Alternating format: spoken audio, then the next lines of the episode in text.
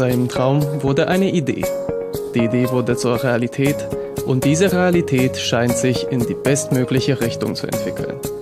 2019 gelang es einigen Lehrkräften und einer Gruppe von Studenten des Instituts für Germanistik in Novi Sad, einen schon lange bestehenden Plan in die Tat umzusetzen. Die Zeitschrift mit dem Titel 207.de wurde endlich gegründet. Ihre Mission? Die Deutschliebhaber mit Artikeln über die Vergangenheit und Gegenwart der deutschen Literatur, Sprache und Kultur zu versorgen. Eine Aufgabe, der die Redaktion mit Leidenschaft nachgeht und die sie nun zum dritten Mal erfolgreich bewältigt hat. Wir sind im neuen Gebäude von RTV, genauer im Desk des TV-Hauses Novi und wir haben Besuch. Unsere heutigen Gäste sind einige Mitglieder der Redaktion der deutschsprachigen studentischen E-Zeitschrift 207.de. Ich möchte euch zuerst alle ganz herzlich willkommen heißen im brandneuen Gebäude von RTV und ich möchte mich dafür bedanken, dass ihr euch Zeit genommen habt, uns ein kleines Interview zu geben. Alexandra, äh, du bist, hallo, Alexandra, du bist die Chefredakteurin der Zeitschrift äh, und eure neue, neue Nummer und damit die dritte Nummer ist Ende Dezember 2020 erschienen. Was für Themen erwarten eure Leser in dieser neuen Ausgabe? Also Themen waren etwas über deutsche Kultur, wie immer. Also wir haben etwas über äh, Aufklärung geschrieben, also Lessing und Osite in Serbien. Äh, wir haben auch über traditionelle Veranstaltungen geschrieben. Und äh, Katharina hat zum Beispiel über traditionellen Essen geschrieben, äh, genauer gesagt Apfelstrudel. Dann äh, ich habe auch über ja über Martin Luther geschrieben und Irena hat äh, über Kafka geschrieben. Ja. Und wir haben auch etwas über Film und auch über Hörspiel ja, das sind Themen. Und bei eurer Arbeit hat euch die Pandemie sicherlich auch etwas beeinflusst. Wie beeinflusste die Pandemie? Äh, ich denke, dass wir waren sehr produktiv. Äh, wir hatten mehrere Freizeit, um zu schreiben und also wir hatten nicht so viele Verpflichtungen und wir könnten also äh, schneller schreiben ja, und arbeiten. Also alles in allem eher positiv. Ja, ja. Und mein nächster Gesprächspartner ist äh, Katharina Denic, ebenfalls natürlich von der Zeitschrift. Du bist von den heutigen drei Gesprächspartnern die einzige, die nicht von Anfang an Teil der Redaktion ist. Äh, seit wann bist du beim Team von 207.de mit dabei und wieso hast du dich dazu entschieden, dich als Journalistin auszuprobieren? Ja, also ich bin ähm, Mitglied äh, seit Januar aber ich habe schon früher geschrieben, Text geschrieben äh, über Musik, über Apfelstrudel und ja, Aufsätze und Geschichte zu schreiben hat immer Spaß gemacht und ich dachte, wieso nicht eine neue Textsorte auszuprobieren. Ja, und äh, einen deiner Texte hast du schon genannt, Apfelstrudel. Was sind so aber deine Lieblingsthemen? Worüber schreibst du besonders gerne? Also ich mag, ich mag Geschichte und Mittelalter, so ich würde sagen Kulturgeschichte äh, und Musik, ja. Interessante Inhalte und schreiberische Kreativität sind zweifelsohne die Grundbausteine des Journalismus. Bevor sich jedoch der Leser von einem Thema mitreißen lässt, nimmt er den Text zunächst visuell wahr und achtet dabei auf die optische Attraktivität. Damit jeder Artikel zum Volltreffer wird, ist es deswegen unabdingbar, dass die Zeitschrift auch etwas fürs Auge bietet.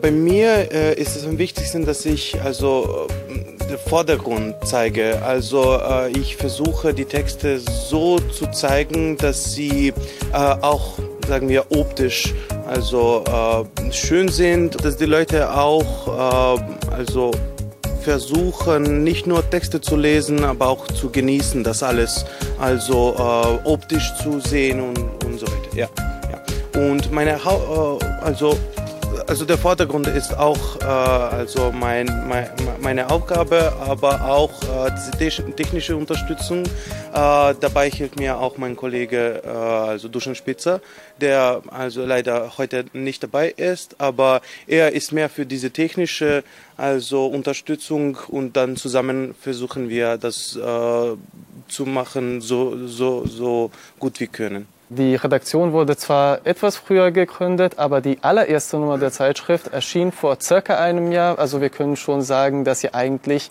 mit dieser Ausgabe das erste Jubiläum der Zeitschrift genau. sozusagen feiert. Und in dieser Zeit haben alle Beteiligten sicherlich viel dazugelernt. Das konnten wir bisher auch äh, hören. Wie hat sich die Redaktion bisher entwickelt? Ähm, ja, also Erfahrungen sind sehr gut. Äh, wir haben jetzt bessere Kommunikation zwischeneinander. Äh, wir machen alles äh, leichter und ähm, ich denke, dass ähm, wir haben immer wieder bessere Themen und viele neue Ideen. Also das war Problem beim ersten Ausgabe, aber jetzt haben wir kein Problem über Themen sprechen und über Organisation und so weiter. Was hast du bisher dazu gelernt? Also du bist auch schon seit einer Weile dabei. Wie sind deine bisherigen Erfahrungen als neuestes Mitglied sozusagen? Also äh, das Gefühl, dass äh, Mitglied de, des Teams zu sein, ist sehr schön. Und äh, ja, die anderen Mitglieder sind immer da, äh, mir zu helfen und vielleicht ähm, meine Ideen zu verbreitern. Und ja, es war bisher nur positive Erfahrungen. Ein ähnlich positives Erlebnis schien auch der erste Aufenthalt unserer Gäste im TV-Haus von Novi Sad zu sein. Sie waren nämlich vom neuen Gebäude von RTV sichtlich beeindruckt. Jetzt, dass alles also wirklich äh, fertig ist, wow. Äh, äh, bin ich gekommen äh, mit keine Erwartungen, aber äh, als ich ge also gekommen bin, ähm, also es ist sehr modern, äh, passt zu den äh, modern, aber auch passt zu den äh, ganzen, also sagen wir Gegend oder was immer. Ja, also habe ich nur positive positive Meinungen dazu und Erfahrungen. Ja. Mir gefällt es sehr äh, und ja, ich dachte, ich könnte vielleicht einmal hier arbeiten. und ja, ja, super. ja, der Blick ist sehr atemberaubend und ja, ich dachte, ich kann hier den ganzen Tag sitzen und lernen oder lesen ja, und schreiben. Obwohl die dritte Nummer der Zeitschrift erst vor kurzem veröffentlicht wurde, blickt das Team von 207.de in die Zukunft. Die Redaktion plant einen Blog mit allen bisherigen und künftigen Beiträgen der Zeitschrift sowie die Eröffnung eines Instagram-Profils und die ersten Texte für die nächste Ausgabe sind bereits eingetroffen. Die Zeitschrift ist aber selbstverständlich offen für weitere Artikel wie auch für potenzielle neue Mitglieder, die ihr journalistisches Können unter Beweis stellen möchten. Was wäre deine Nachricht an diejenigen, die es vielleicht in Erwägung gezogen haben, ebenfalls etwas für die Zeitschrift 207.de zu schreiben, aber noch vielleicht zögern? Ja, äh, also ich denke, dass es sehr lustig ist. Äh, es ist auch gut, äh, um Deutsch besser zu lernen. Es ist auch gut, neue Kontakte zu machen und etwas äh, auch zu lernen. Also ich denke, es ist sehr interessant ist.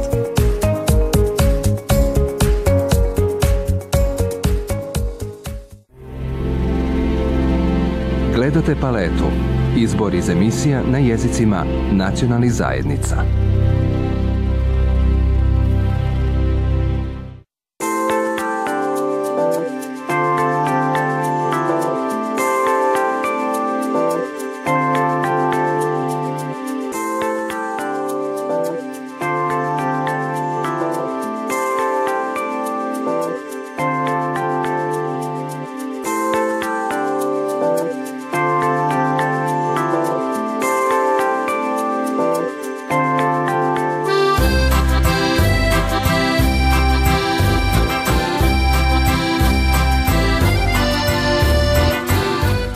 Es gab bei den Donauschwaben fast kein Gericht in der Winterzeit ohne Sauerkraut.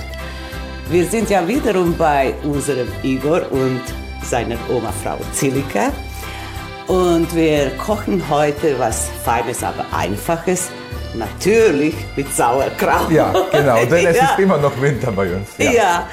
Und äh, worum handelt es sich? Also wir kochen heute zwei Rezepte. Die Hauptzutaten sind natürlich Schupfnudeln und Sauerkraut und dazu kommen noch die Nürnberger Bratwürste. Also wir kochen heute äh, Sauerkraut mit äh, Nürnberger Bratwurst äh, als erstes Gericht und das zweite wird dann sein Sauerkraut Schupfnudeln und äh, Nürnberger Bratwurst. Die Bezeichnung Nürnberger Bratwurst äh, stammt aus äh, Nürnberg, aus Franken in Norden, Nordwesten Bayerns und es unterscheidet sich von den anderen äh, deutschen Bratwürsten, indem es äh, viel kleiner und kürzer ist.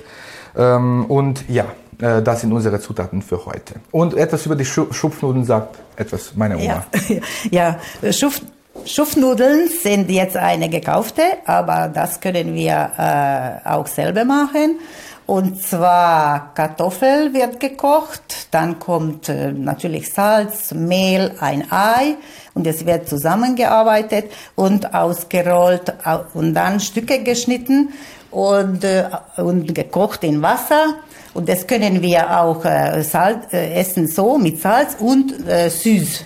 Zum Beispiel mit Mohn habe ich schon mal gegessen. Ja, und Igor arbeitet Ja, schon. ich fange schon an. äh, ich muss die Zwiebeln äh, zerstückeln, äh, aufwürfeln, damit wir dann äh, Für alle können. beide Gerichte, nicht Für wahr? alle beide Gerichte. Genau. Also diese Zutaten sind für alle. Also, äh, die Zutaten sind für äh, Sauerkraut mit äh, Schupfnudeln, Butter, Butter, Senf, Lorbeerblätter, Und- äh, Kümmel ja, und äh, Schweinespeck. Igor, was machen wir jetzt? Also für unser erstes Gericht äh, werden wir jetzt die Zwiebeln anbraten und dann später den Sauerkraut hinzugeben. Hier haben wir etwas Gemüsebrühe von äh, früher, die wir jetzt verwenden werden. Und äh, dann braten wir noch die Nürnberger Bratwürste. Und jetzt gebe ich die, äh, die Zwiebeln hinzu.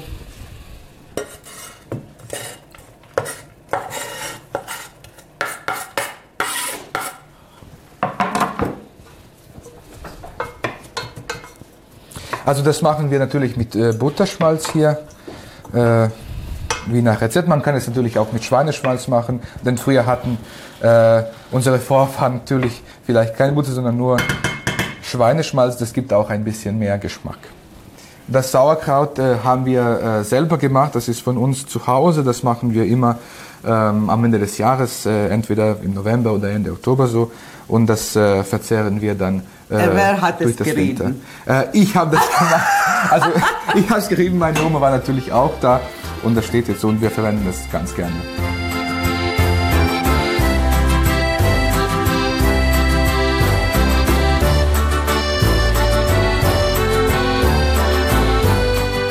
Ja. Etwa 40 Minuten braucht man Ja. zur Vorbereitung. Aber die, das Gericht mit äh, Schupfnudeln braucht etwa 20 Minuten, Ja, nicht genau, wahr? ja. Und dazu braucht man auch Apfel. Apfelsaft. jawohl. Ja, für die Variante mit Schupfnudeln. Ja. ja. Also, Und Speck. Solange wir die Nürnberger Würste äh, braten, geben wir äh, äh, das Sauerkraut zu den Zwiebeln hinzu und dann würzen wir das Ganze.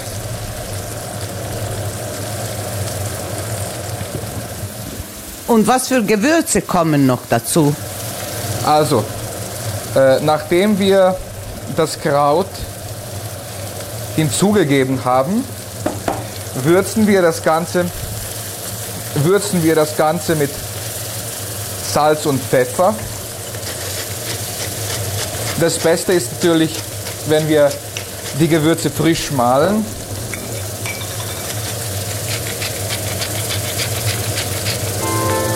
Und danach kommen noch äh, Kümmel, etwas Kümmel, also nicht gemahlen Kümmel, sondern normale und Lorbeerblätter. Also zwei, drei Blätter reichen aus für diese Portion. Wenn wir sehen, dass das Ganze brät, wir, wir hören das Zischen, dann geben wir, dann geben wir die Gemüsebrühe hinzu damit wir, all die Gesch äh, damit wir den Geschmack von unten auflockern und dann vermischen wir das Ganze.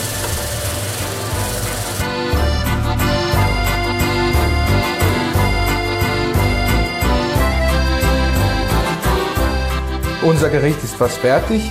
Äh, unser Sauerkraut ist angebraten. Wir nehmen das und servieren dann geschmacksvoll. So, genau. So, dann hinzu kommen noch die Bratwürste. Je nach Portion. Wir nehmen jetzt beispielsweise fünf Bratwürste. So, und nach Geschmack noch ein bisschen Kümmel und noch ein bisschen Pfeffer. So. Und Senf. Nürnberger Bratwürste werden mit Senf gegessen und das kann man nach Geschmack natürlich auch dazu nehmen. Genau.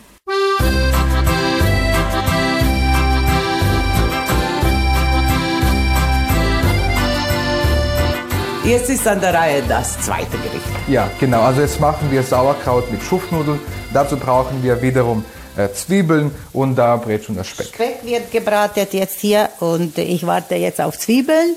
Und dann kommt dann die Schupfnudeln rein. Ja, und dazu kommt, und dann kommt der Apfelsaft. Apfelsaft.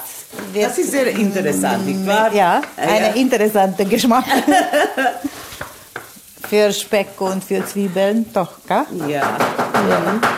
Das angebratet, bisschen, mhm. angedünstet. Ich habe schon eigentlich.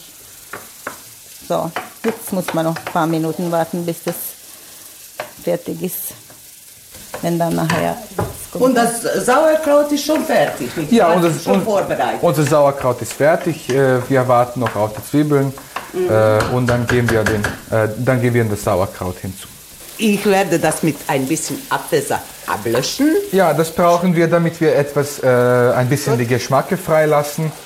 Äh, und dann braten wir äh, die Schupfnudeln an. Jetzt gebe ich das zu.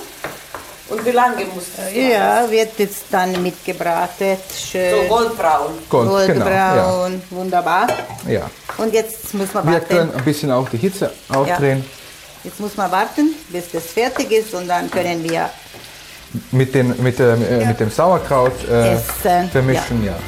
Dann können und wir das servieren. Genau. Wunderbar. Wunderbar.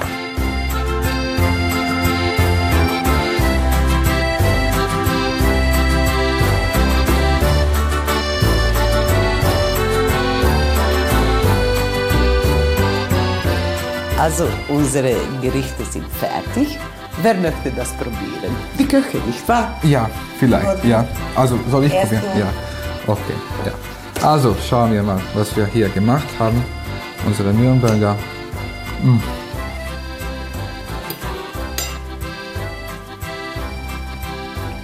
Schmeckt's? Schmeckt wunderbar.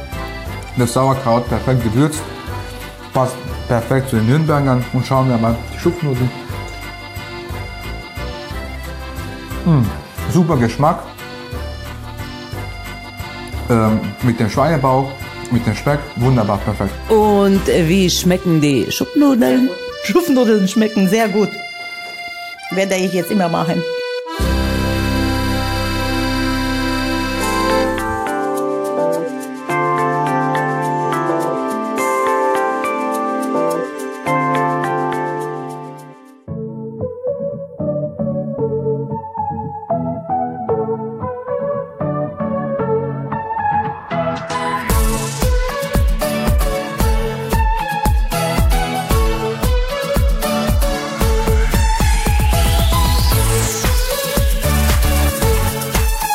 Also Olga, zuallererst danke, dass du dir heute Zeit genommen hast, uns hier im neuen Gebäude von RTV zu besuchen.